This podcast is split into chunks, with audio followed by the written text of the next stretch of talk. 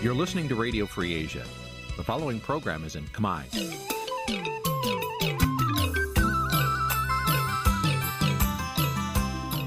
នេះជាកម្មវិធីផ្សាយ Vuthu Azizi Serai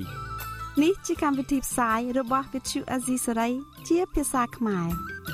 Vuthu Azizi Serai សូមស្វាគមន៍លោកអ្នកនាងទាំងអស់ពីរដ្ឋធានី Washington នៃសហរដ្ឋអាមេរិក បាទខ្ញុំបាទយ៉ងច័ន្ទដារាសូមជម្រាបសួរលោកអ្នកនាងអ្នកស្ដាប់ Vuthu Azizi Serai ទាំងអស់ជាទីមេត្រីបាទខ្ញុំបាទសូមជូនកម្មវិធីផ្សាយសម្រាប់យប់ថ្ងៃអង្គារ4កើតខែចេឆ្នាំថោះបញ្ញស័កពុទ្ធសករាជ2567ដែលត្រូវនឹងថ្ងៃទី23ខែឧសភា គ្រិស្តសករាជ2023បាទជាដំបូងនេះសូមអញ្ជើញអស់លោកអ្នកនាងស្ដាប់ព័ត៌មានប្រចាំថ្ងៃដែលមានមេត្តាដូចតទៅ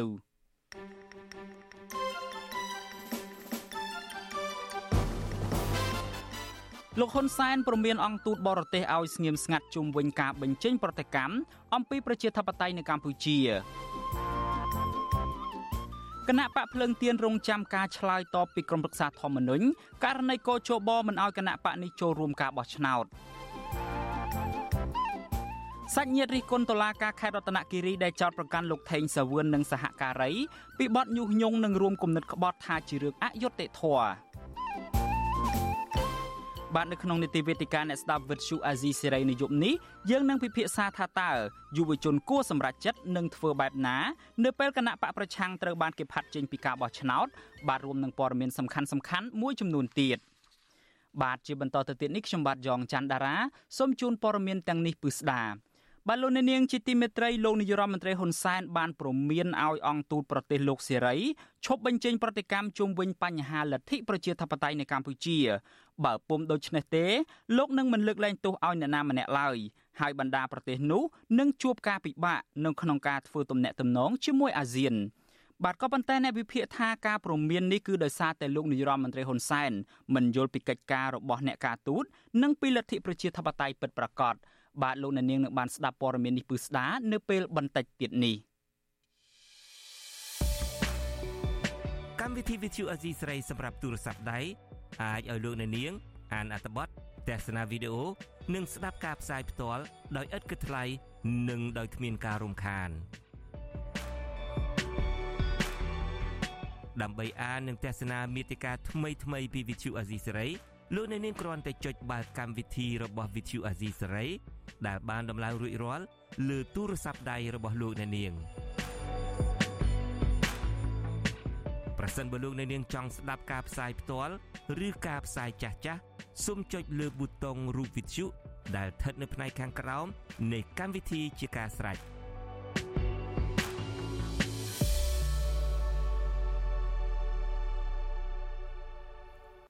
បាទលោកនាងជាទីមេត្រីយើងងាកមកចាប់អារម្មណ៍ពាក់ព័ន្ធទៅនឹងបញ្ហានយោបាយឯនេះវិញដោយលោកនាងបានជ្រាបស្រាប់ហើយថាគណៈបកភ្លើងទៀនមិនត្រូវបានកោជបអនុញ្ញាតឲ្យចូលរួមនៅក្នុងការបោះឆ្នោតជ្រើសតាំងតំណាងរាស្ត្រនីតិកាលទី7នៅក្នុងកែខែកក្កដាខាងមុខនេះទេក៏ប៉ុន្តែមានច្រកមួយទៀតដែលគណៈបកភ្លើងទៀនកំពុងតែស្វាស្វែងនោះគឺកិច្ចអន្តរាគមន៍ពីក្រមប្រឹក្សាធម្មនុញ្ញ បាទគណៈបកភ្លើងទៀនរងចាំការឆ្លើយតបពីក្រមប្រឹក្សាធម្មនុញ្ញក្រោយពេលគណៈបកនេះបានប្តឹងទៅក្រមប្រឹក្សាធម្មនុញ្ញដើម្បីតវ៉ាជុំវិញការសម្រេចរបស់គូជបដែលមិនអោយគណៈបកនេះចូលរួមការប្រគល់ប្រជែងបោះឆ្នោតនៅពេលខាងមុខបាទយើងប្រកូលនីតិនេះជូនលោកយុនសាមៀនរាយការណ៍ជូនលោកអ្នកនាងគណៈបកភ្លើងទៀនបានដាក់បណ្ដឹងទៅក្រមប្រឹក្សាធម្មនុញ្ញបាន4ថ្ងៃហើយគិតមកដល់ថ្ងៃទី23ខែឧសភា តាមនីតិវិធីក្រមប្រឹក្សាធម្មនុញ្ញមានរយៈពេល10ថ្ងៃដើម្បីដោះស្រាយបណ្ដឹងករណីគណៈកម្មាធិការជាតិរៀបចំការបោះឆ្នោតកោជបដែលមិនចុះបញ្ជីឈរឈ្មោះឲ្យគណៈបកភ្លើងទៀនចូលរួមការប្រកួតការបោះឆ្នោតនៅខែកក្កដាខាងមុខនេះអ្នកនាំពាក្យគណៈបកភ្លើងទៀនលោកគឹមស៊ូភិរិតលើកឡើងថាលោកជឿជាក់ថាក្រមប្រឹក្សាធម្មនុញ្ញនឹងពិនិត្យពិចារណាលើភាពស្របច្បាប់របស់គណៈបកភ្លើងទៀន អ្នកនាំពាក្យរូបនេះថាជំហរគណៈបកភ្លើងទៀនជាគណៈបកស្របច្បាប់ដែលមានសិទ្ធិគ្រប់គ្រាន់អាចចូលរួមការប្រកួតប្រជែងសម្រាប់ការបោះឆ្នោតជាតិថ្ងៃទី23ខែកក្កដាខាងមុខនេះទោះបីជាយ៉ាងណាលោកគឹមសួរភិរិតក៏មានក្តីបារម្ភខ្លះដែរចំពោះអធិបុលនយោបាយជ្រាបចូលក្នុងការសម្រេចចិត្តរបស់ក្រមប្រឹក្សាធម្មនុញ្ញលើករណីនេះ គឺគេទទួលស្គាល់ណាហើយន័យថាយើងជាគណៈបកមួយដែលមានអធិបុលទូកម្រិតណាក៏ដោយនៅក្នុងក្នុងចំណោមប្រជាប្រដ្ឋរបស់ឆ្នោតណាចឹងខ្ញុំនៅតែមានសេចក្តីសង្ឃឹមថាក្រុមប្រកាសបំណុញនឹងពិនិត្យពិចារណាផ្ដល់ការយកចិត្តទុកដាក់និងផ្ដល់ឲ្យគ្រឿងទៀនអាចចុះបញ្ជីឈ្មោះผู้ប្រជែងក្នុងការបោះឆ្នោតពេលខាងមុខគណៈបកភ្លើងទៀនបានប្តឹងទៅក្រមប្រឹក្សាធម្មនុញ្ញកាលពីថ្ងៃទី19ឧសភាប្រឆាំងសេចក្តីសម្រេចកោជបដែលមិនចុះបញ្ជីឈ្មោះឲ្យគណៈបកនេះ អាចចូលរួមការប្រកួតការបោះឆ្នោតនៅពេលខាងមុខនេះគណៈកម្មាធិការជាតិរៀបចំការបោះឆ្នោតបានបដិសេធមិនចុះបញ្ជីរបស់គណៈបកភ្លើងទៀនដោយលើកហេតុផលថាគណៈបកនេះគ្មានឯកសារនៃការចុះបញ្ជីគណៈបកនៅក្រសួងមហាផ្ទៃមន្ត្រីនាំពាក្យកោជបលោកដឹមសវណ្ណរមប្រាប់សារព័ត៌មានក្នុងស្រុកថាកោជបអនុវត្តទៅតាមច្បាប់ដោយគ្មានស្តង់ដារ2ចំពោះករណីភ្លើងទៀនឡើយ លោកថាកោជបមិនបានដឹងគណៈបកភ្លើងទៀនគ្មានឯកសារបញ្ជាក់ពីក្រសួងមហាផ្ទៃនោះទេទើបគណៈបកនេះអាចចូលរួមការបោះឆ្នោតឃុំសង្កាត់កាលពីពេលកន្លងទៅបានតកតងទៅនឹងរឿងនេះវិទ្យុអាស៊ីសេរីមិនអាចសុំបញ្ជាក់បន្ថែមពីអ្នកនាំពាក្យក្រមប្រឹក្សាធម្មនុញ្ញ លោកព្រំវិចិត្រអក្សរាបានទេនៅថ្ងៃទី23ឧសភាទោះបីជាយ៉ាងណាលោកប្រាប់សារព័ត៌មានក្នុងស្រុកឲ្យដឹងថានៅពេលដែលក្រុមការងាររដ្ឋបាលនៃក្រមប្រឹក្សាធម្មនុញ្ញបានទទួលពាក្យបណ្ដឹងរបស់គណៈបកភ្លើងទៀនរួចហើយពួកគេនឹងបញ្ជូនទៅសមាជិកក្រុមប្រឹក្សាធម្មនុញ្ញដើម្បីពិនិត្យលោកបញ្ជាក់ថាប្រសិនបើមានការចាំបាច់ក្រុមប្រឹក្សាធម្មនុញ្ញនឹងអញ្ជើញភាគីពាក់ព័ន្ធចូលរួមជជែកដេញដោល ពាក់ព័ន្ធទៅនឹងរឿងនេះដែរអ្នកវិភាគនយោបាយលោកកឹមសុខយល់ឃើញថាគណៈបកភ្លើងទៀនប្តឹងទៅក្រមប្រឹក្សាធម្មនុញ្ញពេលនេះគឺជាជំរើសតែមួយគត់របស់គណៈបកភ្លើងទៀនទោះបីជាយ៉ាងណាកន្លងមកអ្នកវិភាគបារម្ភថាក្រមប្រឹក្សាធម្មនុញ្ញអាចសម្រេចទៅតាមកោជបដោយសារតែសមាជិកភាគច្រើននៅក្នុងស្ថាប័ននេះមកពីគណៈបកកាន់អំណាច លោកយល់ថាគណៈបកភ្លើងទៀនគួរប្រឹងប្រែងការសម្របសម្រួលជាមួយលោកនាយករដ្ឋមន្ត្រីហ៊ុនសែនផងដែរបន្ថែមទៅនឹងការប្តឹងទៅក្រមប្រឹក្សាធម្មនុញ្ញឱកាសចុងក្រោយដ៏តិចតួចបំផុតរបស់គណៈបកភ្លើងទៀនដែលអាចចូលរួមបោះឆ្នោតបាន មានតែការសម្របសម្រួលជាមួយលោកនាយករដ្ឋមន្ត្រីហ៊ុនសែនហើយធ្វើឲ្យលោកហ៊ុនសែនស្ងប់ចិត្តលើពីចំណុចសំខាន់លោកកឹមសុខយល់ថាអ្វីដែលលោកហ៊ុនសែនចង់បានពីគណៈបកភ្លើងទៀន គឺកុំឲ្យប្រឆាំងឬតវ៉ានឹងលទ្ធផលបោះឆ្នោតក្រោយការបោះឆ្នោតថ្ងៃទី23ខែកក្កដាខ្ញុំយុនសាមៀនវិទ្យុអាស៊ីសេរីប្រធានាធិបតី Washington បាទលោកអ្នកនាងជាទីមេត្រីបន្ថែមទៅនឹងសេចក្តីរាយការណ៍របស់លោកយុនសាមៀនអំពីការទន្ទឹងរង់ចាំរបស់គណៈបកភ្លើងទៀនដែលស្នើសុំកិច្ចអន្តរាគមន៍ពីក្រមរក្សាធម្មនុញ្ញនោះគឺថាអគ្គលេខាធិការនៃក្រមរក្សាធម្មនុញ្ញបានឲ្យដឹងថាក្រមរក្សាធម្មនុញ្ញនឹងបើកកិច្ចប្រជុំពេញអង្គនៅព្រឹកថ្ងៃទី25ខែឧសភាដែលត្រូវនឹងថ្ងៃប្រហ័សខានស្អែកនេះដែលដឹកនាំដោយប្រធានក្រមរក្សាធម្មនុញ្ញលោកអឹមឈុនលឹមដើម្បីពិនិត្យនិងសម្រេចលើបណ្ដឹងតវ៉ារបស់គណៈបកប្រឆាំងដ៏មានសក្តានុពលមួយនេះដែលបានប្តឹងជំទាស់សេចក្តីសម្រេចរបស់គណៈកម្មាធិការជាតិរៀបចំការបោះឆ្នោតហៅកាត់ថាកោជបនិងទាមទារឲ្យកោជបទទួលចុះបញ្ជីគណៈបករបស់ខ្លួនសម្រាប់ការបោះឆ្នោតជ្រើសតាំងតំណាងរាស្ត្រនីតិកាលទី7នាពេលខាងមុខនេះបាទសេចក្តីប្រកាសព័ត៌មានរបស់ក្រមប្រឹក្សាធម្មនុញ្ញចុះផ្សាយល្ងាចថ្ងៃទី23ខែឧសភានេះឲ្យដឹងថា ក្រុមប្រឹក្សាធម្មនុញ្ញក៏នឹងពិនិត្យនិងសម្រេចលើលើបណ្ដឹងរបស់គណៈបកមួយទៀតឈ្មោះថាគណៈបកមហាសាមគ្គីជាតិខ្មែរប្តឹងសុំឲ្យក្រុមប្រឹក្សាធម្មនុញ្ញពិនិត្យនិងសម្រេចពីលទ្ធភាពស្ដីពីការចុះបញ្ជីឈរឈ្មោះរបស់បេក្ខជនគណៈបកនេះក្នុងការបោះឆ្នោតថ្ងៃទី23ខែកក្កដាខាងមុខនេះផងដែរបាទ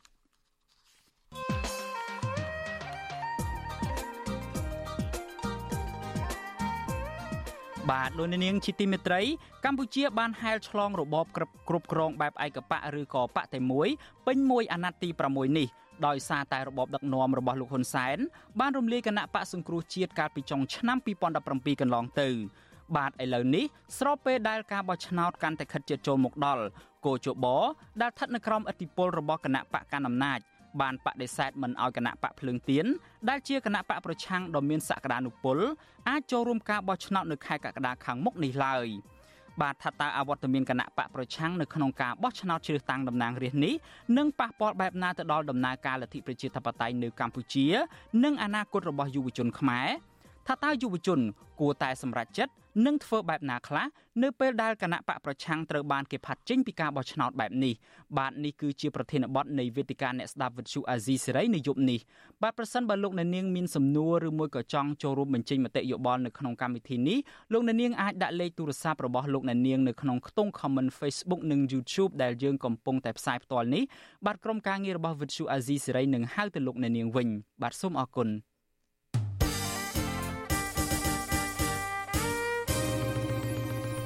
ចាជំរាបសួរលោកអ្នកនាងជាទីមេត្រីចាជួបជាមួយនាងខ្ញុំសុជីវីចាយើងមកស្វែងយល់អំពីការបោះឆ្នោតបន្តទៅទៀត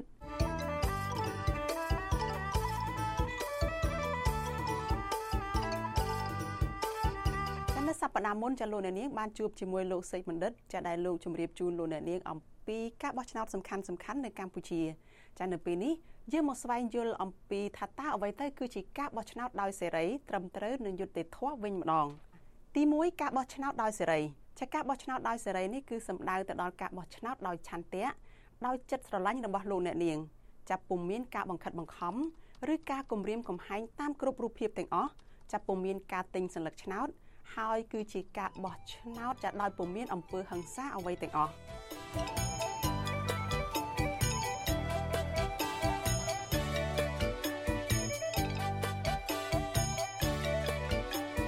ចាជាមួយគ្នានេះលោកអ្នកនាងដែលជាម្ចាស់ឆ្នោតចាលោកអ្នកនាងមានសេរីភាពពេញលេញនៅក្នុងការទទួលបានព័ត៌មានអំពីការបោះឆ្នោតចាហើយលោកអ្នកនាងក៏មានសេរីភាពនៅក្នុងការជជែកការដេញដោលពិភាក្សាអំពីបេក្ខជនដែលចូលឈ្មោះបោះឆ្នោតនិងគណៈបកដែលចូលឈ្មោះបោះឆ្នោតនោះដោយសេរីថែមទៀតចាចំពោះគណៈបកនយោបាយដែលចូលរួមការបោះឆ្នោតវិញ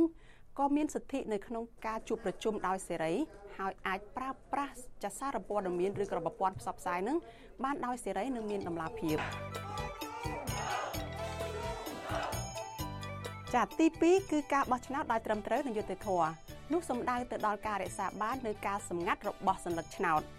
ចាគឺជាការបោះឆ្នោតដែលគ្មានការទិញសัญลักษณ์ឆ្នោតចាគ្មានការលួចបន្លំសัญลักษណ៍ឆ្នោតគ្មានការលួចដូរសัญลักษณ์ឆ្នោត ហើយក៏គ្មានការបន្លំលទ្ធផលឆ្នោតដែរ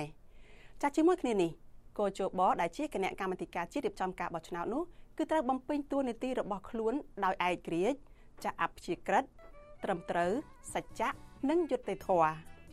ចាសសូមលោកអ្នករងចាំតាមដានការស្វែងយល់ពីការបោះឆ្នោតនេះជាបន្តទៅទៀតដែលយើងនឹងលើកយកប្រធានបទផ្សេងផ្សេងទៀតមកជម្រាបជូនលោកអ្នកចាសសូមអរគុណនិងសូមជម្រាបលា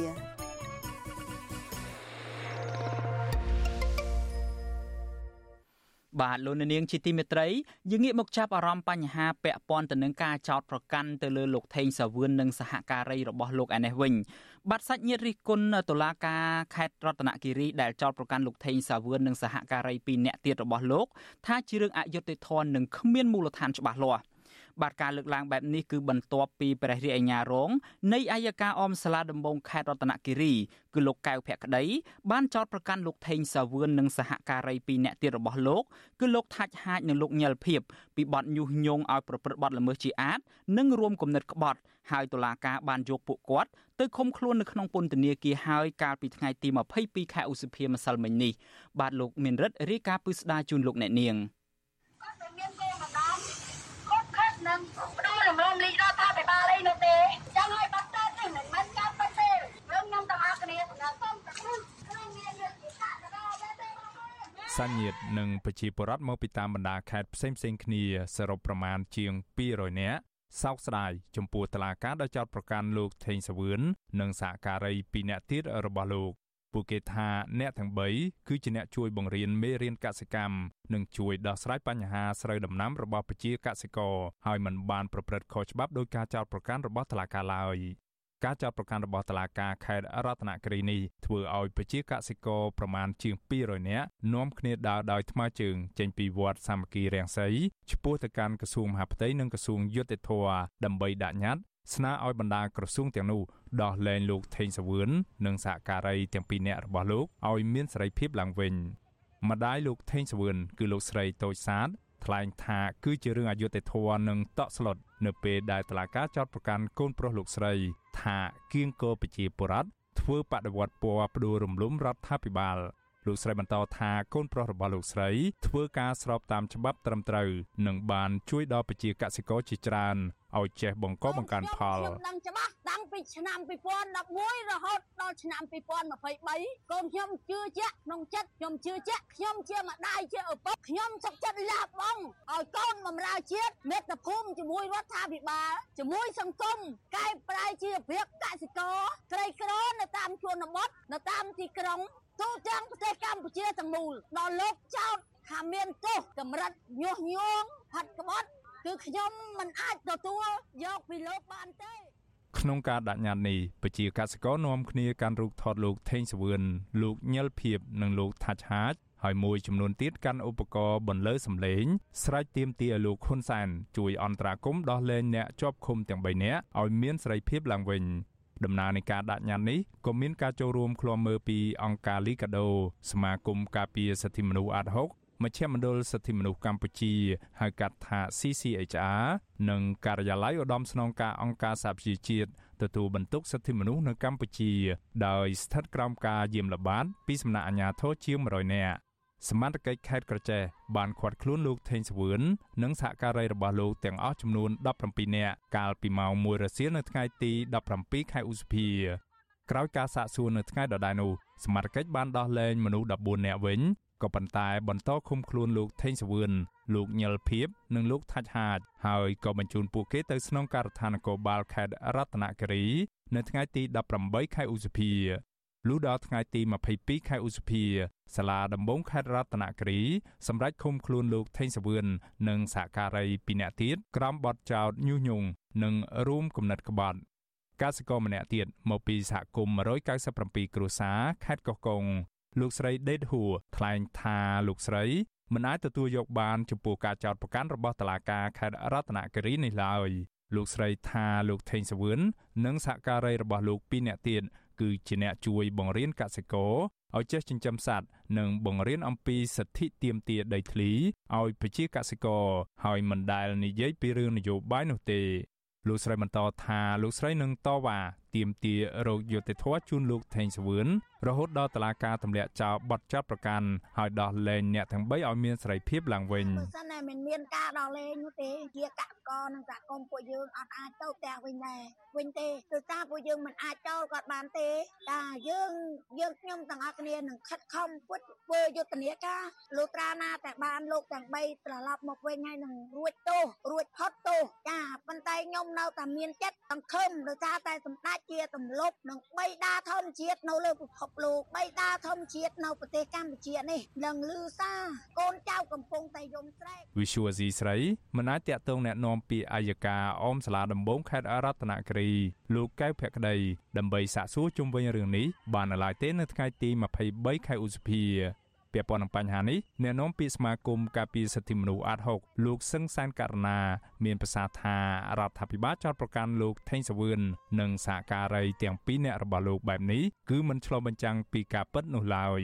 លោកថាលោកថេងសវឿនបានជួយលើកកម្ពស់ជីវភាពរបស់ប្រជាកសិករនិងបង្រៀនឲ្យពួកគាត់ យល់ដឹងពីសិទ្ធិសេរីភាពរបស់ពួកគាត់ដែលស្របតាមច្បាប់កម្ពុជាកំពុងតែរងការរិះគន់ពីសហគមន៍អន្តរជាតិទៅលើការរំលោភបំពានសិទ្ធិមនុស្សហើយនិងលទ្ធិប្រជាធិបតេយ្យដែលកំពុងតែធ្លាក់ចុះនៅក្នុងប្រទេសកម្ពុជានឹងអញ្ចឹងគួរតែមានការបើកឲ្យទលំទលាយករណីនេះផងរួមទាំងករណីផ្សេងទៀតនឹងឲ្យមានភាពល្អប្រសើរឡើងនិងអាចថា ស្ដារនៅអ្វីដែលជារងការរិះគន់រងការចោទប្រកាន់នានាពីសហគមន៍អន្តរជាតិនឹងហើយក្រៅពីប្រជាកសិករជាង200នាក់ដែលមកពីតាមបណ្ដាខេត្តផ្សេងៗគ្នា រួមមានខេត្តកោះកុងកំពង់ស្ពឺ និងខេត្តសៀមរាបដើម្បីតវ៉ាទាមទារឲ្យដោះលែងលោក Thames Wanu ក៏នៅមានប្រជាកសិកររាប់រយនាក់ផ្សេងទៀតនៅតាមបណ្ដាខេត្តមួយចំនួន ដែលមិនបានឡើងមកចូលរួមការតវ៉ានៅរាជធានីភ្នំពេញបាននាំគ្នាបង្ហោះសារនៅលើបណ្ដាញសង្គម រីឯប្រជាកសិករមួយចំនួននៅខេត្តសៀមរាបបាននាំគ្នាធ្វើពិធីតាមបែបសាសនាបួងសួងសុំឲ្យអាជ្ញាធរដោះលែងលោកថេងសវឿននិងសហការីឲ្យមានសេរីភាពឡើងវិញលោកថេងសវឿនគឺជាប្រធានសមាគមសម្ព័ន្ធសហគមន៍កសិករកម្ពុជាហៅកាត់ថា CCFC ដែលធ្វើការដើម្បីលើកកម្ពស់ជីវភាពកសិករនិងពង្រឹងសិទ្ធិអំណាចរបស់ក្រុមកសិករដែលងាយរងគ្រោះពីការអភិវឌ្ឍ លើពីនេះទៀតលោកថេងសវឿនក៏ជាសកម្មជនការពារសិទ្ធិកម្មករដែលធ្លាប់ត្រូវបានកម្លាំងសមត្ថកិច្ចវាយឲ្យរបួសត្រង់ក្បាល និងបញ្ជូនយកទៅឃុំខ្លួននៅពន្ធនាគារដោយសារតែលោកបានចូលរួមទាមទារឲ្យរដ្ឋាភិបាលលោកហ៊ុនសែនដំឡើងប្រាក់ខែឲ្យកម្មករយ៉ាងតិចត្រឹម160ដុល្លារក្នុងមួយខែ នៅផ្លូវវែងស្រេងកាលពីខែមករាឆ្នាំ2014កន្លងទៅ ក្រមគ្រួសារប្រជាកសិករនិងមន្ត្រីសង្គមស៊ីវិលទទូចឲ្យរដ្ឋាភិបាលលោកហ៊ុនសានដោះលែងអ្នកជាប់ឃុំទាំង3នាក់ឲ្យមានសេរីភាពឡើងវិញពីព្រោះពួកគេថាការចាប់ចងបែបនេះនឹងធ្វើឲ្យកម្ពុជាបាត់បង់ធនធានមនុស្សដែលអាចជួយដល់សង្គមជាតិខ្ញុំបាទមេរិត Visual C ស្រី ពីរដ្ឋធានី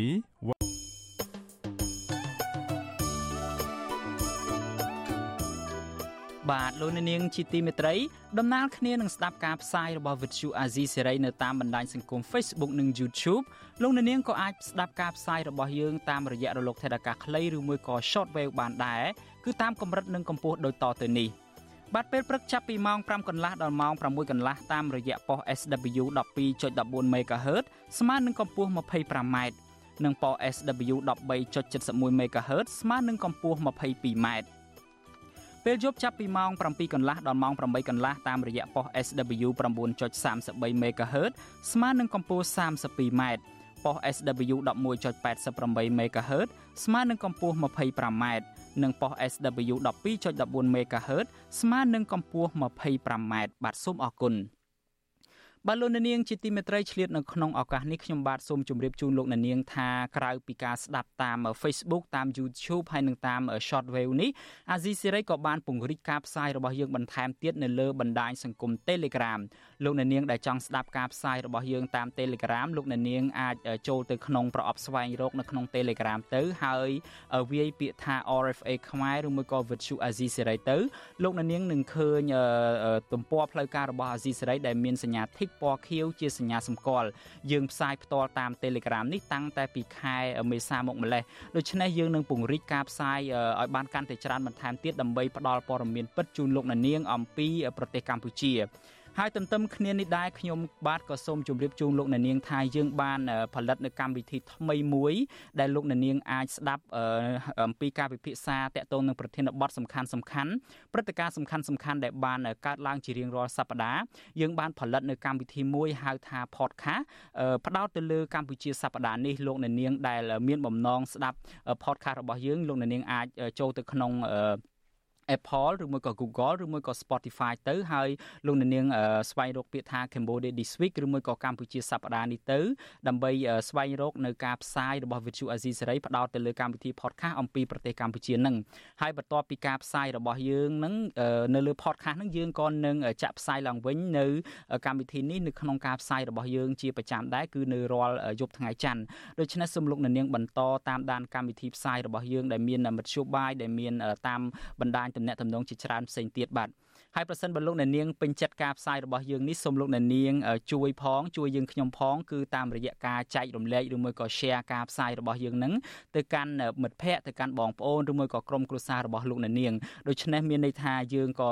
ជួយផ្ដល់ព័ត៌មានពិតអំពីប្រទេសកម្ពុជាទៅលោកអ្នកនាងលោកអ្នកនាងក៏អាចជួយយើងខ្ញុំបានដោយគ្រាន់តែចុចចែករំលែកនឹងដែរដូច្នេះយើងជួយគ្នាទាំងអស់គ្នាបាទ បាទលោកនាងជាទីមេត្រីយើងងាកមកចាប់អារម្មណ៍ពាក់ព័ន្ធទៅនឹងរឿងលោកនាយករដ្ឋមន្ត្រីហ៊ុនសែនព្រមានអង្គទូតបរទេសឯនេះវិញគឺថានៅថ្ងៃនេះលោកហ៊ុនសែនបានព្រមានឲ្យអង្គទូតប្រទេសលោកសេរីឈប់បញ្ចេញប្រតិកម្មជុំវិញបញ្ហាលទ្ធិប្រជាធិបតេយ្យនៅកម្ពុជាបើពុំដូច្នេះទេលោកនឹងមិនលើកលែងទោសឲ្យនរណាម្នាក់ឡើយហើយបណ្ដាប្រទេសនោះនឹងជួបការពិបាកនៅក្នុងការធ្វើទំនាក់ទំនងជាមួយនឹងប្រទេសអាស៊ាន បាទលោកទីនសាការីយ៉ារាយការណ៍ពិស្ដាអំពីរឿងនេះ រយៈពេល2ថ្ងៃជាប់គ្នាលោកហ៊ុនសែនបានវាប្រហារបណ្ដាអង្គទូតប្រទេសប្រជាធិបតេយ្យដើម្បីឲ្យពួកគេបញ្ឈប់បញ្ចេញប្រតិកម្មជំវិញនឹងបញ្ហានយោបាយនៅកម្ពុជាបន្តទៀតប៉ុន្តែនៅវិភាគមើលឃើញថាទោះបីជាលោកហ៊ុនសែនប្រើប្រាស់សារគម្រាមធ្ងន់ធ្ងរយ៉ាងណាក៏ដោយក៏អង្គទូតទាំងនោះនៅតែប្រកាន់ចំហការទូតបែបទន់ភ្លន់ដើម្បីជួយសម្របសម្រួលឲ្យមានការផ្សះផ្សាជាតិដោះស្រាយវិបត្តិនយោបាយដែលនៅជាប់គាំងនៅកម្ពុជានៅពេលបច្ចុប្បន្ន។ និវិភាននយោបាយលោកកឹមសុខប្រាប់វិទ្យុអាស៊ីសេរីនៅថ្ងៃទី23អូសភាដែលលោកបានចាត់ទុកការប្រមានរបស់លោកហ៊ុនសែនទៅបណ្ដាប្រទេសលោកសេរីថាលោកហ៊ុនសែនមិនបានយល់អំពីរបបប្រជាធិបតេយ្យនិងនយោបាយការទូតលោកបន្តថានៅក្នុងរបបប្រជាធិបតេយ្យអ្នកការទូតមិនមែនជួបតែភាគីលោកហ៊ុនសែនតែម្ខាងនោះឡើយហើយក្នុងនយោបាយការទូតគឺអ្នកការទូតត្រូវតែប្រកាន់យកនៅភាពទន់ភ្លន់រាក់ទាក់និងអត់ធ្មត់ដើម្បីជួបគូចំនួនគ្រប់ភាគី ក្នុងការស្វែងរកដំណោះស្រាយបញ្ឈប់ចំនួនទោះជាត្រូវប្រឈមនឹងបញ្ហាធំប៉ុណ្ណាឬប្រឈមនឹងសង្គ្រាមក្តីលោកកឹមសុខបន្ថែមថាភាគីចំនួននយោបាយនៅកម្ពុជាគឺមានតែលោកហ៊ុនសែនលោកកម្មសខានិងលោកសំរងស៊ីទេដូច្នេះអង្គទូតប្រទេសប្រជាធិបតេយ្យទាំងនោះត្រូវតែទៅជួបគ្រប់ភាគីដើម្បីរកកន្លឹះដោះស្រាយភាពជាប់គាំងនយោបាយនៅកម្ពុជាខ្ញុំឧទាហរណ៍ជូនមេរៀនការទូតមួយដល់លោកហ៊ុនសែនទៅចោះដើម្បីចូលរួមចំណែករកដំណោះស្រាយវិ បត្តិដែលលោកពូទីនឈ្លានពានប្រទេសអ៊ុយក្រែនកន្លងមកប្រធានាធិបតីនៃប្រទេសឥណ្ឌូនេស៊ីវីដូដូបានទៅជួបទាំងភាគីលោកពូទីនទាំងភាគីលោកសេលិនស្គីនៃប្រទេសអ៊ុយក្រែនបើទោះបីជាឥណ្ឌូនេស៊ីមានជំហរថ្កោលទោសប្រទេសរុស្ស៊ីដែលឈ្លានពានប្រទេសអ៊ុយក្រែនក៏ដោយប៉ុន្តែជាផ្លូវដោះស្រាយត្រូវតែជួប ទាំងពីរភាគី ដើម្បីអាចស្វែងរកការពិភាក្សារកគន្លឹះទំលាយភាពទាល់ច្រកដែលកំពុងតែកើតមានឡើងលោកហ៊ុនសែនត្រូវយល់មេរៀនហ្នឹងការលើកឡើងរបស់អ្នកវិភាគនយោបាយបែបនេះធ្វើឡើងបន្ទាប់ពីលោកហ៊ុនសែនបានបន្តប្រតិកម្មទៅបណ្ដាអង្គទូតលោកសេរីដែលបានទៅជួបសួរសុខទុក្ខលោកកម្មសខាប្រធានគណៈបកសង្គ្រោះជាតិនាពេលកន្លងទៅហើយពួកគេទាមទារឲ្យរដ្ឋាភិបាលលោកហ៊ុនសែនដោះលែងមេបកប្រឆាំងរូបនេះឲ្យមានសេរីភាពឡើងវិញផ្ទុយទៅវិញលោកហ៊ុនសែនចាត់ទុកទង្វើទាំងនេះ ថាជាការធ្វើនយោបាយការបរទេសបែបប្រហើនចាប់ដៃជន់ជើង ប្រមាថលោកដោយកូនក្មេងបៀមដៃនឹងជាការជិតជ្រែកកិច្ចការផ្ទៃក្នុងរបស់កម្ពុជាទៅវិញលោកសានអះអាងជាថ្មីថាដោយសារតែនយោបាយធ្វើឲ្យលោកមិនទុកចិត្តនេះហើយបានជាលោកមិនព្រមស្នើសុំទៅព្រះមហាក្សត្រដើម្បីលើកលែងទោសឲ្យលោកកម្មសខានោះនៅក្នុងពិធីសម្ពោធអគារមជ្ឈមណ្ឌលពហុឯកទេសជាផ្លូវការនៅមន្ទីរពេទ្យកាឡាម៉ែត នៅថ្ងៃទី23ឧសភាលោកហ៊ុនសែនក៏ប្រមានអង្គទូតប្រទេសលោកសេរីឲ្យរក្សាភាពស្ងៀមស្ងាត់ដោយមិនត្រូវបញ្ចេញប្រតិកម្មជុំវិញនឹងបញ្ហាប្រជាធិបតេយ្យនៅកម្ពុជា ចាប់ពីពេលនេះរហូតដល់ការបោះឆ្នោតជ្រើសតាំងតំណាងរាស្ត្រនៅខែកក្កដាខាងមុខលោកហ៊ុនសែនអះអាងថាការគៀបសង្កត់លើកម្ពុជាគឺស្មើនឹងការគៀបសង្កត់លើអាស៊ានហើយលោកនឹងប្រើប្រាស់សមាជិកភាពរបស់កម្ពុជានៅអាស៊ានធ្វើជាឧបសគ្គរាំងស្ទះក្នុងកិច្ចការតំណែងតំណងរវាងក្រុមប្រទេសលោកសេរីទាំងនោះ មិនឲ្យចេញសេចក្តីថ្លែងការណ៍ណាមួយរួមគ្នាបានឡើយលោកក៏ប្រមានថាបើអង្គទូតទាំងនោះនៅតែស្នើឲ្យដោះលែងអ្នកជាប់ឃុំណាម្នាក់គឺអ្នកនោះលោកនឹងមិនស្នើទៅព្រះមហាក្សត្រឲ្យដោះលែងនោះទេអញ្ចឹងសូមមើលកម្ពុជាឲ្យផុតពីកម្ពុជា គឺកម្ពុជាជាសមាជិកអាស៊ានដែលមានសិទ្ធិមិនព្រមចេញសេចក្តីថ្លែងការណ៍ណាមួយអានឹងគ្រាន់តែសូមបញ្យល់គ្នាព្រោះអ្នកខ្លះមកធ្វើទូតមកធ្វើកិច្ចការខ្លះ គឺអត់បានយល់អំពីអ្វីដែលហៅថារចនាសម្ព័ន្ធអាស៊ាននេះសង្កត់កម្ពុជាក៏ប៉ុន្តែកុំភ្លេចថាបើសង្កត់កម្ពុជាស្មើនឹងសង្កត់អាស៊ានដែរលោកសែនបានចោទប្រកាន់ក្រុមប្រទេសលោកសេរីដែរថានៅគៀកការបោះឆ្នោតជ្រើសតាំងតំណាងរាស្ត្រនៅខែកក្កដាខាងមុខនេះមកដល់ពួកគេបាននាំគ្នារិះគន់លោកពីគ្រប់ទិសទីដោយលោកហ៊ុនសែនហាក់ចង់សម្ដៅទៅលើការរិះគន់ទាំងបញ្ហាប្រជាធិបតេយ្យសិទ្ធិមនុស្សនិងបញ្ហាមូលដ្ឋានទ័ពជើងទឹកនៅរៀមជាដើមលោកហ៊ុនសែនថាលោកមិនអាចអត់ធ្មត់ នឹងការរិះគន់ទាំងនោះទៀតទេព្រោះជាការរំខានសម្រាប់លោកលោកសែនបានបញ្ចេញប្រតិកម្មដូចនេះធ្វើឡើងបន្ទាប់ពីបណ្ដាប្រទេសមួយចំនួន បានរិះគន់ជាថ្មីជំវិញនឹងកោជបមិនអនុញ្ញាតឲ្យគណៈបកភ្លើងទៀនអាចចុះឈ្មោះចូលរួមការបោះឆ្នោតជ្រើសតាំងតំណាងរាស្ត្រនាពេលខាងមុខបាន បណ្ដាទូតទាំងនោះសហភាពអឺរ៉ុបស្ថានទូតបារាំងនិងអូស្ត្រាលីជាដើមបានបញ្ចេញប្រតិកម្មសោកស្ដាយចំពោះការរារាំងគណៈបកភ្លើងទៀននិងសម្ដែងក្តីព្រួយបារម្ភថា អវត្តមានគណៈបកប្រឆាំងក្នុងការបោះឆ្នោតនឹងធ្វើឲ្យប៉ះពាល់ដល់លទ្ធិប្រជាធិបតេយ្យនៅកម្ពុជាបណ្ដាអង្គទូតទាំងនោះបានអំពាវនាវឲ្យរៀបចំការបោះឆ្នោតដោយសេរីដំណាភិបនិងពហុបកស្របតាមខ្លឹមសារនៃកិច្ចព្រមព្រៀងទីក្រុងប៉ារីសឆ្នាំ1991និងរដ្ឋធម្មនុញ្ញកម្ពុជាជំវិញនឹងលោកហ៊ុនសែនចាប់ប្រកាន់អង្គទូតប្រទេសលោកសេរីថាបានជិតជ្រែកកិច្ចការផ្ទៃក្នុងរបស់កម្ពុជានោះត្រូវបានលោកកឹមសុខលើកឡើងថាបណ្ដាអង្គទូតប្រទេសលោកសេរីទាំងនោះ គ្រាន់តែបំពេញករណីយកិច្ចស្របតាមកិច្ចព្រមព្រៀងសន្តិភាពទីក្រុងប៉ារីសដើម្បីជួយតាមដាននិងឃ្លាំមើលការវិវត្តលទ្ធិប្រជាធិបតេយ្យនៅកម្ពុជាស្របពេលស្ថានភាពនយោបាយនៅកម្ពុជាត្រូវបានគេមើលឃើញថាកំពុងតែធ្លាក់ចុះដុនដាបជាបន្តបន្ទាប់លោកកឹមសុខបន្តថាការប្រមានរបស់លោកហ៊ុនសែនដល់ថាប្រើប្រាស់សមាជិកភាពរបស់ខ្លួនក្នុងអាស៊ានដើម្បីឲ្យរាំងស្ទះទំនាក់ទំនងរវាងអាស៊ានជាមួយបណ្ដាប្រទេសលោកខាងលិច គឺជាការធ្វើនយោបាយការទូតបែបល្ងងខ្លៅបំផុតលោកយល់ថាកម្ពុជាគ្រាន់តែជាសមាជិកភាពជំនាន់ក្រោយមិនមានអធិបុលដោយបណ្ដាប្រទេសសមាជិកអាស៊ានផ្សេងទៀតដែលមានអធិបុលដូចជាឥណ្ឌូនេស៊ីម៉ាឡេស៊ីហ្វីលីពីនសិង្ហបុរីនិងថៃ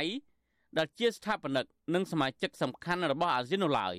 ហើយបណ្ដាប្រទេសទាំងនេះសុទ្ធសឹងតែជាសម្ព័ន្ធមិត្តរបស់អាមេរិកនិងក្រុមប្រទេសលោកខាងលិច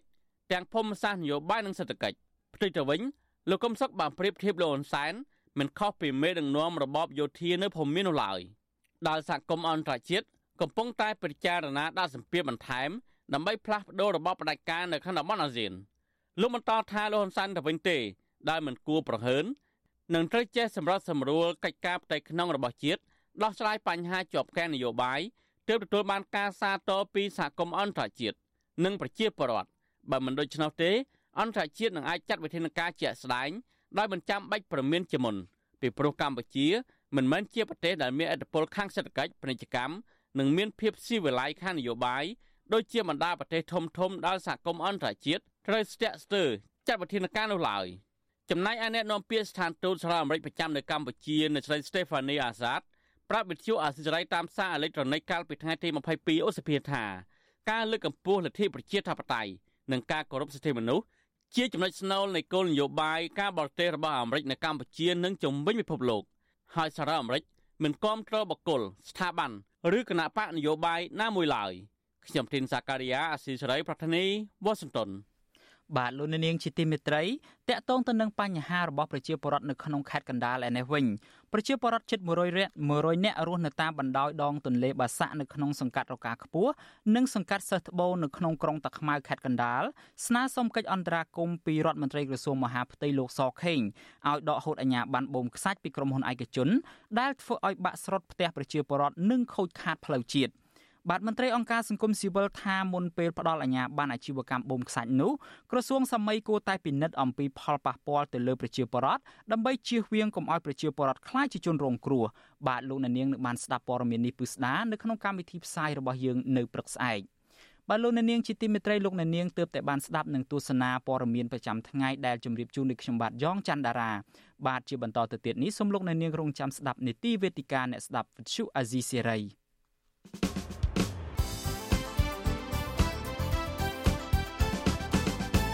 បាទលោកនាងជាទីមេត្រីនេះជាកម្មវិធីវេទិកាអ្នកស្ដាប់វិទ្យុអាស៊ីសេរី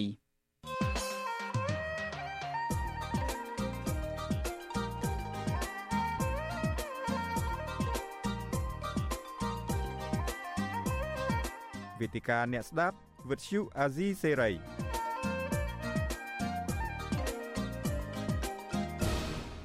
បាទខ្ញុំបាទយ៉ងច័ន្ទដារាសូមជម្រាបសួរលោកអ្នកនាងកញ្ញាជាថ្មីម្ដងទៀតបាទនៅក្នុងកម្មវិធីវេទិកាអ្នកស្ដាប់វិទ្យុអាស៊ីសេរីនៅយប់នេះយើងនឹងជជែកពិភាក្សាអំពីទស្សនៈរបស់យុវជនតាក់ទងទៅនឹងអវត្តមានគណៈបកប្រឆាំងនៅក្នុងការជ្រើសនៅក្នុងការបោះឆ្នោតជ្រើសតាំងតំណាងរាស្ត្រនីតិកាលទី7ដែលនឹងប្រព្រឹត្តទៅនៅខែកក្កដាខាងមុខនេះ។ បាទយើងមានភ្ញៀវពីររូបដែលអញ្ជើញចូលរួមជាវាគ្មិនជាមួយយើងនៅក្នុងពេលនេះដែលសុទ្ធសឹងតែជាយុវជនទី1គឺយុវជនកឹមជីលីនហើយនិងកញ្ញាមានលីសាខ្ញុំបាទសូមជម្រាបសួរយុវជនទាំងពីរបាទបាទខ្ញុំបាទឮសំឡេងពីលីសាហើយប៉ុន្តែអត់ទាន់ឮពីជីលីននៅឡើយទេហើយបាទជីលីនអាចបើកម៉ាយទៅប្រហែលជាយើងបិទម៉ាយតិចបាទអូឮហើយឮហើយបាទ បាទអរគុណយុវជនទាំងពីររូបដែលបានចំណាយពេលវេលានៅក្នុងរាត្រីនេះចូលរួមនៅក្នុងកិច្ចពិភាក្សារបស់យើងហើយកញ្ញាមានលីសាតាមពិតធ្លាប់ចូលជាមួយយើងជាច្រើនដងហើយតាក់ទងទៅនឹងរឿងបរិស្ថានរឿងយុវជនហ្នឹងហើយប៉ុន្តែដល់ឡែកគឹមជីលីននេះជាលើកដំបូងហើយសម្រាប់ជីលីនហើយយើងត្រេកអរដែលមានយុវជនយើងជាបន្តបន្ទាប់ហ៊ាននៅក្នុងការផ្ដល់ផ្ដល់បទសម្ភាសហ៊ាននៅក្នុងការវិភាគនិងផ្ដល់ទស្សនៈទានផ្សេងផ្សេងតាក់ទងទៅនឹងរឿងស្ថានភាពសង្គមនយោបាយសិទ្ធិមនុស្សនិងរឿងបរិស្ថានហ្នឹង ហើយមុននឹងយើងឈានចូលទៅដល់ការពិភាក្សាស៊ីជម្រៅខ្ញុំបាទសូមជម្រាបជូនលោកអ្នកនាងអំពីសាវតារឿងបន្តិចលោកអ្នកនាងបានជ្រាបស្រាប់ហើយថានៅក្នុងអាណត្តិទី6កន្លងទៅនេះគឺថាកម្ពុជាយើងបានហែលឆ្លងនៅរបបដឹកនាំមួយដែលជាជា របបថ្មីឯកបៈថ្មីមួយដែលមិនដែលមានទេក្នុងប្រវត្តិកម្ពុជាក្រោយឆ្នាំ1993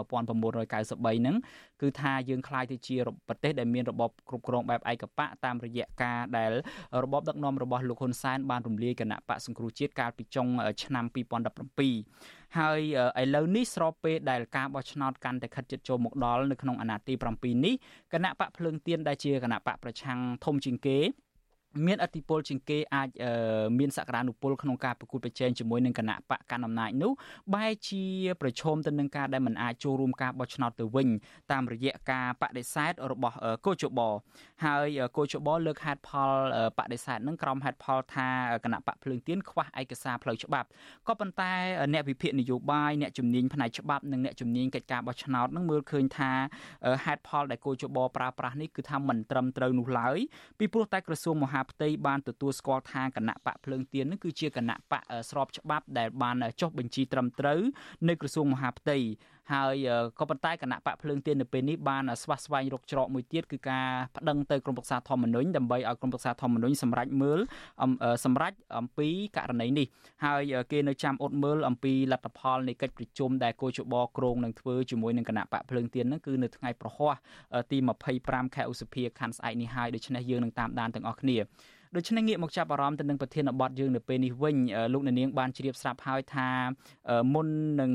ខ្ញុំសួរលំអិតទៅដល់ប្រធានបទនេះគឺយើងចាប់អារម្មណ៍បន្តិចតាក់ទងទៅនឹងស្ថានភាពនៅប្រទេសថៃណាគឺថានៅប្រទេសថៃនឹងគណៈបកប្រឆាំងមួយថ្មី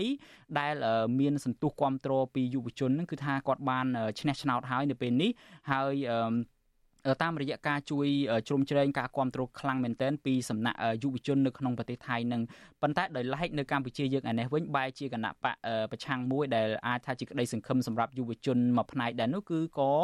มันអាចប្រឈមទៅនឹងការมันអាចចូលរួមការបោះឆ្នោតបានហើយខ្ញុំចង់ជូនសំណួរនេះទៅលីសាមុនថាតើលីសាមានចំណាប់អារម្មណ៍បែបណាដែរយើងទាញបន្តិចភ្ជាប់ទៅនឹងប្រទេសថៃដែលយុវជនគេគ្រប់គ្រងគណៈបកប្រឆាំងហើយពេលនេះគឺគេបានឈ្នះឆ្នោតទៅហើយហ្នឹងបាទ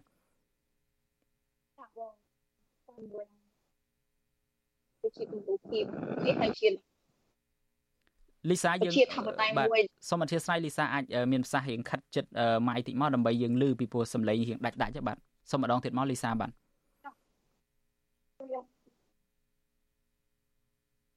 បាទ យើងមិនតន់លឺនៅឡើយទេដូច្នេះអាចសួរទៅជីលីនមុនក៏បានដែរជីលីនក៏ជាអ្នកតាមដានស្ថានភាពនយោបាយនៅប្រទេសថៃនៅប្រទេសកម្ពុជាអីដឹងដែរថាតើជីលីនចាប់អារម្មណ៍យ៉ាងម៉េចដែរចំពោះបញ្ហាចុងក្រោយនេះបាទ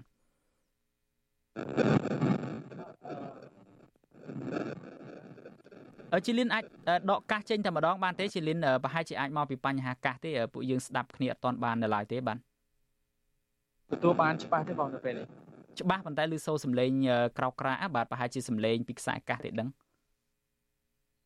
បាទ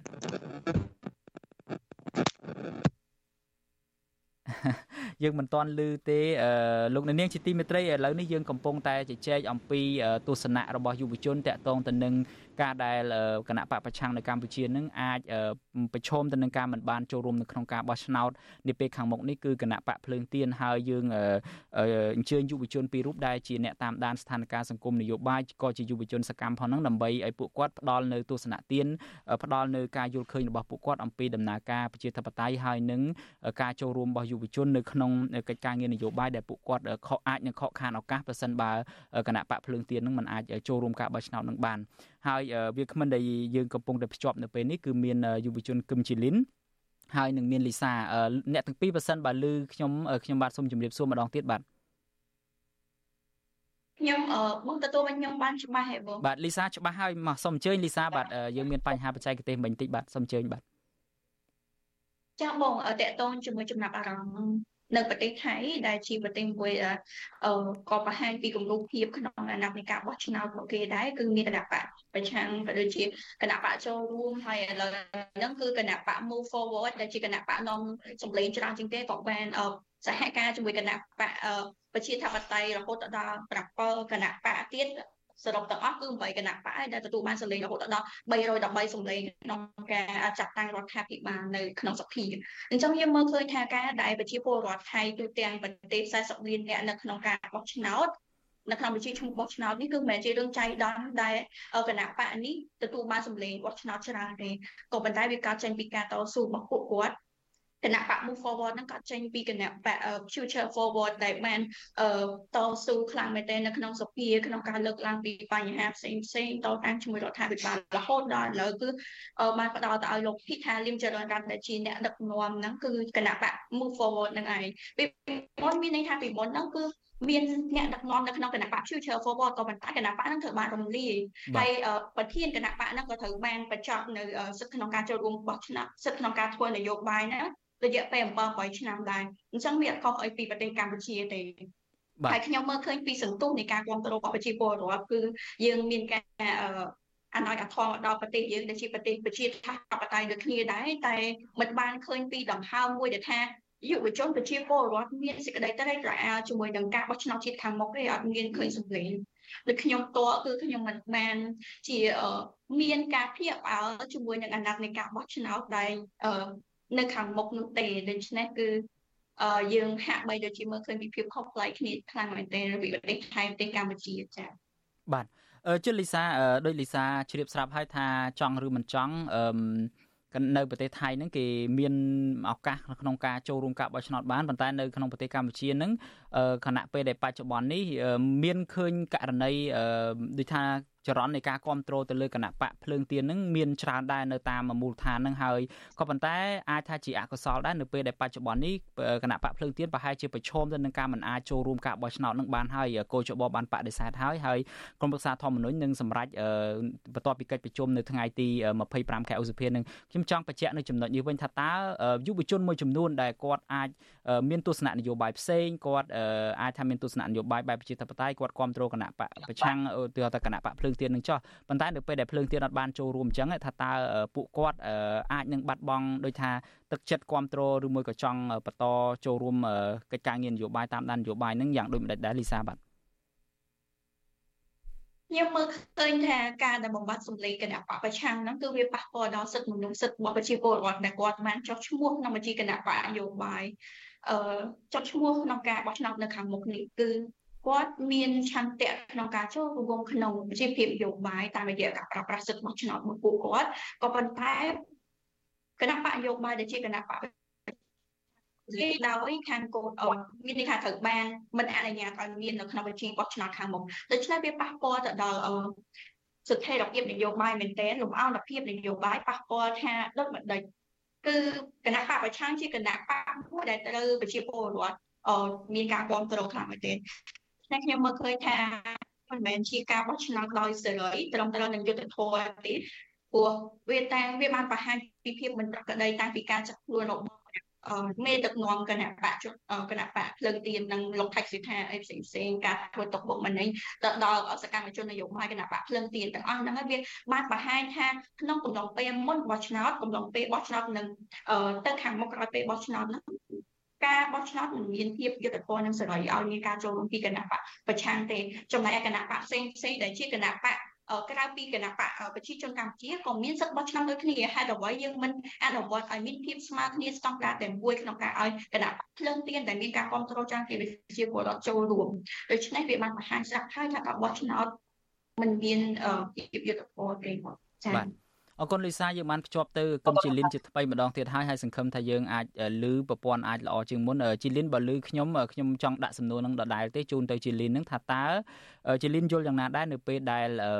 គណៈបកភ្លើងទៀនដែលជាគណៈបកប្រឆាំងមានសក្តានុពលនឹងត្រូវបានគេផាត់ចោលចេញពីការបោះឆ្នោតនឹងបាទបាទអឺទទួលពីខ្ញុំច្បាស់ទេបើលើកនេះបាទច្បាស់ហើយជីលីនបាទសូមអញ្ជើញបាទច្បាស់អឺចំពោះខ្ញុំខ្ញុំមានការចាប់អារម្មណ៍ ថារយៈពេលចុងក្រោយនេះក្រោយនៅពេលដែលចាប់ផ្ដើមដំណើរការនៃការចុះបញ្ជីគណៈបញ្ញោបាយអីតិចមានរឿងរ៉ាវកាត់ឡើងមួយចំនួនដូចជាការបដិសេធពីសំណាក់គណៈគណៈកម្មាធិការរៀបចំការបោះឆ្នោតហ្នឹងទៅលើគណៈបកភ្លើងទៀតនេះខ្ញុំមើលឃើញថាវាពុំមែនជាចំណាត់ការមួយដែលឆ្លើយតបទៅនឹងបញ្ហានេះទេ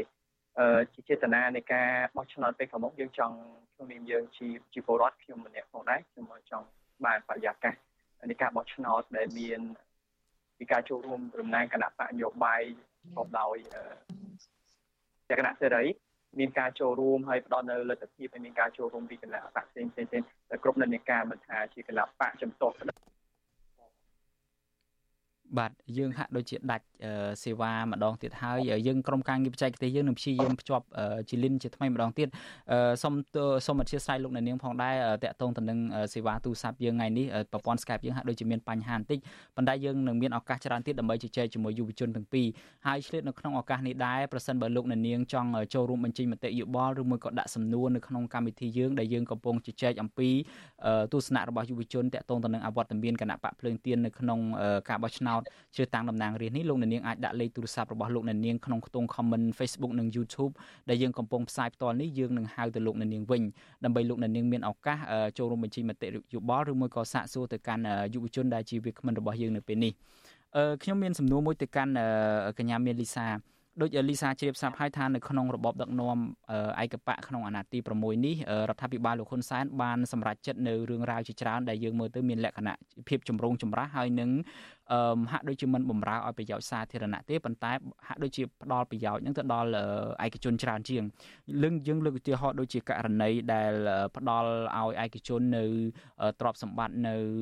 តំបន់ការពារធម្មជាតិជាច្រើនដែលទៅឲ្យក្រុមហ៊ុនឯកជនដែលក្រុមហ៊ុនឯកជនទាំងអស់ហ្នឹងមានទំនាក់ទំនងជិតស្និទ្ធជាមួយនឹង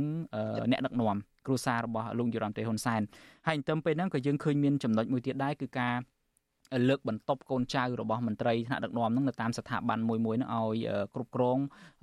តំណែងនឹងធំធំគៀកទៅនឹងឪពុករបស់ខ្លួនខ្ញុំចង់ដឹងថាប្រសិនបើទៅមុខទីទៀតកម្ពុជាដោយថាការបោះឆ្នោតអាណត្តិទី7នេះប្រព្រឹត្តទៅហើយកម្ពុជានឹងបន្តជារបបដឹកនាំឯកបកទៀតថាតើចរន្តបែបនេះវាប៉ះពាល់យ៉ាងណាទៅដល់ឱកាសការងារទៅដល់អនាគតរបស់យុវជនដែរបាទ ចាបងអរគុណសម្រាប់សំណួរល្អវាប៉ះពាល់ខ្លាំងមែនទែនហើយបញ្ហាដែលបងបានលើកឡើងគឺជាបញ្ហាមួយដែលខ្ញុំបានស្ដាប់មើលនៅគោលនយោបាយក្នុងរយៈពេល100ឆ្នាំដែលគណៈបក Move Forward នៅប្រទេសថៃលើកឡើងទាំងពីរចំណុចនឹងតែម្ដងគឺទី1តកតងជាមួយនឹងការរុះរើតកតងជាមួយអ្នកដែលការដឹកនាំដែលជាលក្ខណៈបន្តបន្តពូជការដឹកនាំដែលជាលក្ខណៈ ត្រូវដឹកនាំជាសាច់ញាតិរបស់ខ្លួនឯងហើយមួយទៀតគឺតកតងជាមួយនឹងការដែលចូលចិត្តឲ្យមានការចូលរួមពីខាងសាច់ញាតិក៏ដូចជាអ្នកជាប់នឹងឧទាហរណ៍ថាការកាត់ដីឧឈានជាតិទៅឲ្យខាងក្រុមហ៊ុនវ៉ាន់ម៉ឬក៏ក្រុមហ៊ុនផ្សេងផ្សេងហ្នឹងគឺសិតសិនតែពាក់ព័ន្ធជាមួយនឹងសាច់ញាតិក៏ដូចជាក្រុមហ៊ុនដែលមានខ្សែស្រឡាយចិត្តដុតជាមួយនឹងលោកនាយករដ្ឋមន្ត្រីហ៊ុនសែនគា ត់មែនអឺការដែលជាទម្លាប់អាក្រក់មែនតែនបើសិនជាប្រទេសមួយដែលហៅខ្លួនឯងថាប្រជាធិបតេយ្យក៏ប៉ុន្តែបានដាក់ខ្លួនឯងក្នុងប្រទេសមួយដែលចូលចិត្តត្រៀមរួចជាស្រេចរំពឹងទុករួចជាស្រេចថាអ្នកណាជាអ្នកដឹកនាំបន្ទាប់ពីមិនមែនជារបៀបនៃប្រជាធិបតេយ្យតែហើយវាប៉ះពាល់ដល់យុវជនប៉ះពាល់ដល់ឈាមថ្មីប៉ះពាល់ដល់អ្នកដែលមានសមត្ថភាពគណៈបកផ្សេងផ្សេងដែលជាគណៈបក ដែលបង្កើតឡើងរបស់យុវជនឬក៏យុវជនវ័យកណ្ដាលដែលគាត់មានសមត្ថភាពអាចចូលរួមក្នុងនយោបាយទាំងការដឹកនាំប្រទេសដូច្នេះកន្លងមកយុវជនយើងមើលឃើញថាវាបាត់បង់ឱកាសក្នុងការអភិវឌ្ឍប្រទេសជាតិដោយសារតែអឺថ្នាក់ដឹកនាំខ្លួនឯងផ្ទាល់មិនបានគោរពនឹងសិទ្ធិចូលរួមរបស់ប្រជាពលរដ្ឋការដែលលើកឡើងថាខ្លួនបានលើកឡើងពីបញ្ហានៅឆ្នាំ2035ដែលខ្លួនបានលើកឡើងថានឹងមានការគោរព តកតងជាមួយគោលការណ៍គោលដៅរយៈពេលវែងការគោលដៅប្រកបដោយចីរភាពរយៈពេលវែងដែលត្រូវសម្រេចនៅឆ្នាំ2035គឺត្រូវប្រឈមជាមួយនឹងការវាគឺជាការបដិញ្ញាចិត្តរួមជាមួយនឹងអង្គការក៏ដូចជាសង្គមសហជីវជាតិជាមួយនឹងការបដិញ្ញាចិត្តហ្នឹងគឺលោកនាយករដ្ឋមន្ត្រីហ៊ុនសែនបានអឺមិនបានធ្វើបច្ចុប្បន្នភាពថាខ្លួនឯងបានដឹកនាំដោយគោរពតាមអឺ គោរពទៅតាមគោលការណ៍ទាំងអស់ហ្នឹងទេដូច្នេះគឺប៉ះពាល់ដល់យុវជនគឺពួកយើងនៅពេលដែលពួកយើងបញ្ចេញសម្លេងមកពួកយើងចេញទៅគឺมันមានដំណោះស្រាយហើយប្រទេសនៅជាប្រទេសដែលមានការដឹកនាំដោយបែបផ្ដាច់ការដោយដាក់គំនាបបាទលីសាខ្ញុំចាប់អារម្មណ៍ចំណុចមួយទៀតលីសាប្រហែលជាបានជ្រាបហើយថាអឺ រដ្ឋាភិបាលរបស់លោកនាយរដ្ឋមន្ត្រីហ៊ុនសែនហាក់ដូចជាព្យាយាមបង្ហាញអំពីការដែលយកចិត្តទុកដាក់ចំពោះយុវជនយើងឃើញមានជាអាចដូចថារឿងតាក់ទងនឹងការបង្កើតច្បាប់ឬមួយក៏កម្មវិធីនយោបាយតាក់ទងនឹងយុវជនហ្នឹងដោយលីសារៀបរាប់ហ្នឹងក៏មានដែរនៅក្នុងក្រសួងអប់រំនៅក្នុងអីហ្នឹងគឺយើងឃើញមានគោលនយោបាយអភិវឌ្ឍធនធានយុវជនដែរហើយទន្ទឹមពេលហ្នឹងក៏យើងឃើញមានការបង្កើតជាក្រមយុវជននានាបង្កើតជាព្រឹត្តិការណ៍ឯនានាយើងលើកឧទាហរណ៍ជាអាចដូចមានក្រមយុវជនសសយកសហភាពសហព័ន្ធយុវជនកម្ពុជាដឹកនាំដោយលោកហ៊ុនម៉ាណីមានក្រមយុវជនស្ម័គ្រចិត្តកាកបាទក្រហមមានយុវជនពីមុនហ្នឹងមានឃើញយុវជនប្រភេទនេះគេហៅក្រមយុវជនកាយរិទ្ធក៏ប៉ុន្តែក្រមយុវជនកាយរិទ្ធនេះហាក់ដូចជាថមថយសកម្មភាពច្រើនក្រោយពេលដែលលោកសុកអានដែលកាលនោះជាប្រធានកាយរិទ្ធហ្នឹងគាត់បានទទួលមរណភាពទៅឥឡូវនេះឃើញមានចរន្តខ្លាំងទៅលើក្រមសសយកហើយនឹងក្រមកាកបាទក្រហមកម្ពុជាហ្នឹង ហើយទន្ទឹមពេលនឹងដែរមានព្រឹត្តិការណ៍ជាច្រើនដែលបំផុសឲ្យមានការគ្រប់គ្រងរបស់យុវជនទៅលើរដ្ឋាភិបាលនោះដូចជាមានជាអាចកម្មវិធីអង្គរសង្ក្រានហើយថ្មីថ្មីនេះក៏មានកម្មវិធី SEA Games ឯដែរយើងបានទស្សនាតាមដានទាំងអស់គ្នានឹងហើយជាមួយគ្នានឹងគឺលោកយុរដ្ឋមន្ត្រីហ៊ុនសែនជាពិសេសនឹងពេលបច្ចុប្បន្ននេះគឺលោកហ៊ុនម៉ាណែតផ្ទាល់តែម្ដង គឺគាត់បានចុះទៅមូលដ្ឋានជាប្រចាំមានការជួបជាមួយនឹងប្រជាពលរដ្ឋជាពិសេសយុវជនហាក់ដូចជាបង្ហាញភាពស្និទ្ធស្នាលមែនទែនមានរូបភាពថើបក៏មានរូបភាពគៀកកអីក៏មានសុំថតរូប selfie ជាមួយនឹងមានគ្រប់បែបយ៉ាងទាំងអស់តើនេះអាចសបញ្ជាក់ឲ្យឃើញថាគណៈបកប្រជាជនកម្ពុជានឹងយកចិត្តទុកដាក់ពិតជាយកចិត្តទុកដាក់ទៅលើយុវជនទៅលើអនាគតរបស់យុវជនមែនឬមួយក៏បែបណាវិញលីសាបាទ ចាស់បងតកតងជាមួយនឹងបញ្ហានេះគឺយើងមិនបាននឹងគាំទ្ររាល់ការប្រមូលផ្ដុំយុវជនឲ្យមានការចូលរួមបញ្ហាសង្គមទេក៏តែការប្រមូលផ្ដុំការគាំទ្រដល់យុវជនត្រូវតែធ្វើការគាំទ្រដោយស្មារតីគ្នាចំពោះអឺខ្លួនដែលហៅខ្លួនឯងថាប្រជាធិបតេយ្យការគាំទ្រឲ្យមានការចូលរួមពីយុវជននៅក្នុងអឺការចូលរួមសសរយកការចូលរួមព្រឹត្តិការណ៍ស៊ីហ្គេមការចូលរួមអឺតកតងជាមួយនឹង មហាអង្គរសង្ក្រានអីផ្សេងផ្សេងវាសុទ្ធតែជាការចូលរួមរបស់យុវជនយើងឲ្យតម្លៃទៅលើការចូលរួមទាំងអស់ហ្នឹងក៏ប៉ុន្តែបើយើងងាកត្រឡប់មកយុវជនដែលធ្វើការងារសង្គមយុវជនដែលហ៊ាននឹកនិយាយអំពីភាពមិនប្រក្រតីនៅក្នុងប្រទេសកម្ពុជាយើងតកតងបញ្ហាបរិស្ថានធនធានធម្មជាតិតកតងនឹងការចូលរួម ក្នុងជីវភាពនយោបាយឬក៏ការលើកឡើងពីភាពពិតប្រាកដជាក់ស្ដែងនៅក្នុងប្រទេសនេះដូចជាវាក៏ជាការចូលរួមមួយដែរដោយសកម្មជនក៏ដូចជាអ្នកធ្វើការងារសង្គមទាំងអស់ត្រូវបានគួរតែមានការលើកទឹកចិត្តពីលោកហ៊ុនម៉ាណែតដែលតែងតែធ្វើការមួយយុវជនផងដែរព្រោះសម្លេងរបស់ពួកយើងសម្លេងនៃការជាមតិផ្ទុយហ្នឹងគឺសម្លេងឲ្យមានការអភិវឌ្ឍបើសិនជា ការចូលរួមលើកកម្ពស់យុវជន ការចូលរួមឲ្យតម្លៃទាំងអស់នឹងរបស់លោកហ៊ុនម៉ាណែតទៅលើតែមួយខាងមួយខាងតែមិនមានការគ្រប់គ្រងឲ្យវាមានភាពស៊ីសង្វាក់គ្នារបស់យុវជននៃការចូលរួមខ្ញុំគិតថាវាវាហាក់បីដូចជាអយុត្តិធម៌សម្រាប់ពួកយើងខ្លាំងមែនទែនតែពួកយើងព្យាយាមនិយាយហើយលើកឲ្យមានការអឺកែចន្លោះខ្វះខាតផ្សេងផ្សេងដែលរដ្ឋាភិបាលកំពុងតែអត់មានការទទួលខុសត្រូវបែរជាចាក់ចងបែរជាគម្រាមកំហែងដល់សិទ្ធិពួកយើងបែរជាអឺ រកអាវមកកាន់ពួកយើងខ្ញុំគិតថាយុវជនខ្លួនឯងផ្ទាល់ក៏គួរតែគិតចំណុចនេះដែរថាការចូលរួមហ្នឹងគឺចូលរួមក្នុងការងារសង្គមរូបភាពហ្នឹងវាពិតជាជួយដល់នៅចំណុចវិជ្ជមានទៅដល់សង្គមពិតប្រាកដឬក៏យ៉ាងណាមិនមែនត្រឹមតែជាការចូលរួមឲ្យបានទៅជារូបភាពនោះទេតែជាការចូលរួមដែលផ្ដល់ទៅនឹងអឺអត្តពលវិជ្ជមានដល់សង្គមដែលមានការគោរពគ្នាទៅវិញទៅមកឲ្យតម្លៃមនុស្ស ចំពោះមនុស្សឲ្យមានភាពស្មើគ្នាចំពោះមុខច្បាប់ក៏ដូចជាការគោរពសិទ្ធិមនុស្សចា៎បាទខ្ញុំចង់ជូនសំណួរដដែលនេះទៅកាន់យុវជនគឹមជាលីនវិញសំណួរដែលខ្ញុំសួរអំបញ្ញមិញនេះទៅកាន់លីសាហ្នឹងចង់ដឹងថានៅពេលដែល គណៈបព្វជិជនកម្ពុជាជាពិសេសបច្ចុប្បន្ននេះលោកយុរ៉ាំតេហ៊ុនសែនក្តីទាំងលោកហ៊ុនម៉ាណែតក្តីគឺនៅពេលចុះមូលដ្ឋានហ្នឹងព្យាយាមភ្ជាប់ខ្លួនទៅនឹងយុវជនព្យាយាមបង្ហាញភាពស្និទ្ធស្នាលជាមួយយុវជនថាតើលោកមើលឃើញថានេះអាចជាការសបញ្ជាក់ថាគណៈបព្វជិជនកម្ពុជាយកចិត្តទុកដាក់ទៅលើយុវជនពិតមែនឬមួយក៏យ៉ាងណាវិញបាទបាទ បងអឺតេតិនជាមួយនឹងរូបភាពដូចដែលបានលើកឡើងនេះអឺពុំតាន់គ្រប់គ្រាន់គ្រប់ជ្រុងជ្រោយនៅឡើយទេក្នុងការសម្គាល់អំពីការយកចិត្តទុកដាក់ទៅលើស្ថានភាពរបស់យុវជនបាទបើយើងក៏លេខទៅមើលអំពីស្ថានភាពយុវជនដែលកំពុងតែកើតមានឡើងនៅពេលបច្ចុប្បន្ននេះយើងមើលឃើញថាមិនមែនគ្រាន់តែរូបភាពប៉ុណ្ណឹងអាចបំពេញនៅលក្ខណៈសម្បត្តិមួយនោះទេអឺយុវជនច្រើនមែនទែនជាពិសេសសិស្សនិស្សិត ដែលកំពុងតែសិក្សាតាមបណ្ដាសាកលវិទ្យាល័យកំពុងតែជួបវិបត្តិច្រើនមែនទែនទៅលើវិបត្តិហិរញ្ញវត្ថុជាដើមហើយ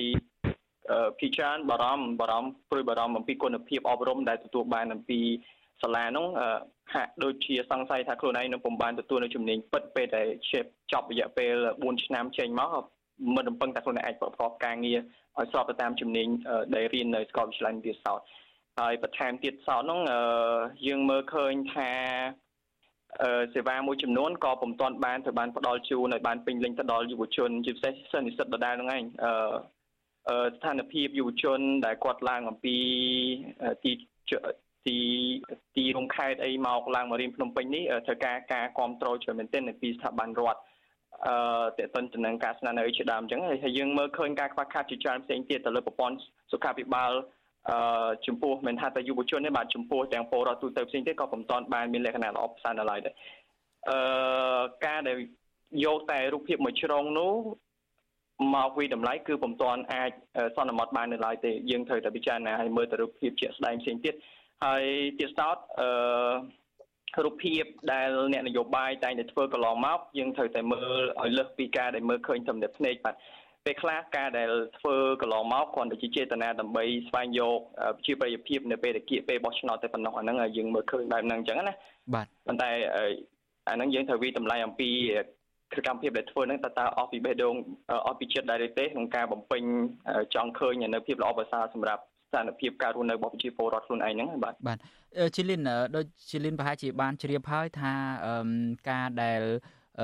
គណៈបកប្រជាជនកម្ពុជាការដែលដូចថាទាំងលោកហ៊ុនម៉ាណែតក្តីទាំងលោកហ៊ុនម៉ាណីក្តី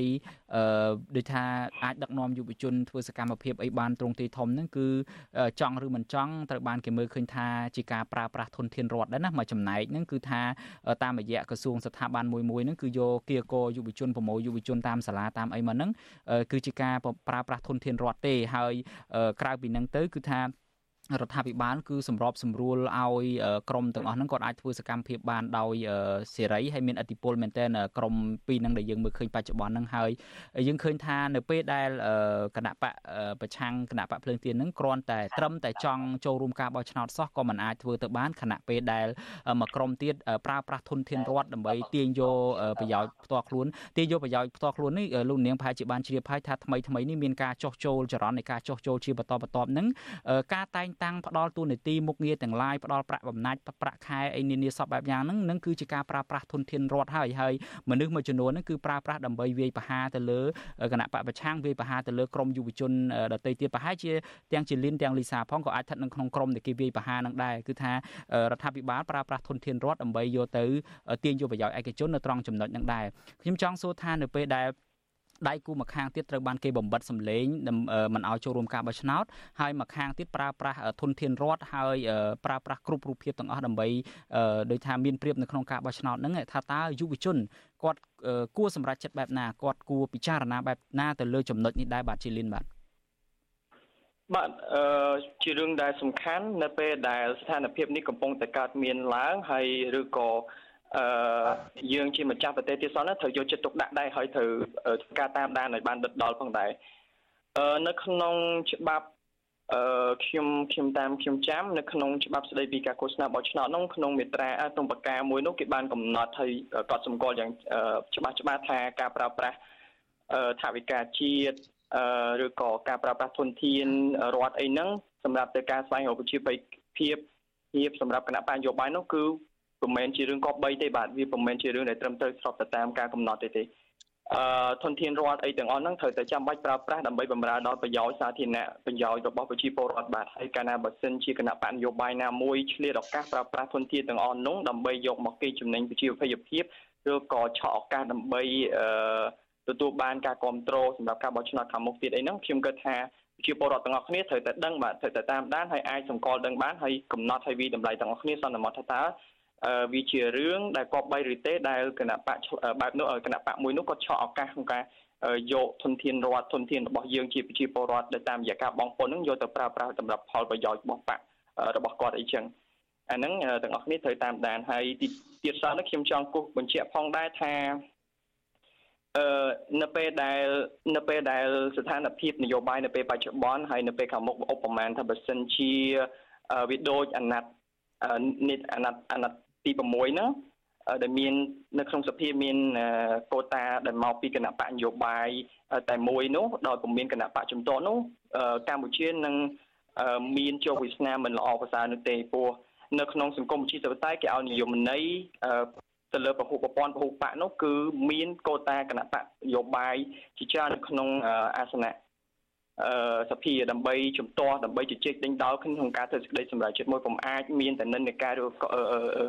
បកតែមួយនៅក្នុងនេះនេះជាប្រព័ន្ធពហុបកហើយប្រព័ន្ធពហុបកនោះគូចង់បញ្ជាក់ផងដែរមិនមែនគ្រាន់តែមានវត្តមានគណៈបកមកចូលរួមការបោះឆ្នោតនេះគេហៅតែពហុបកនោះទេបើវាអត់ទាន់ពេញលេញបាទអរគុណជាលិនខ្ញុំសូមកាត់ត្រង់នេះបន្តិចដោយសារតែយើងដល់ម៉ោងដែលយើងបញ្ចប់ត្រឹមវិសុរលកធាតុអាកាសខ្លីហើយខ្ញុំបាទសូមបន្តប្រហែលនាទីទៀតនៅលើ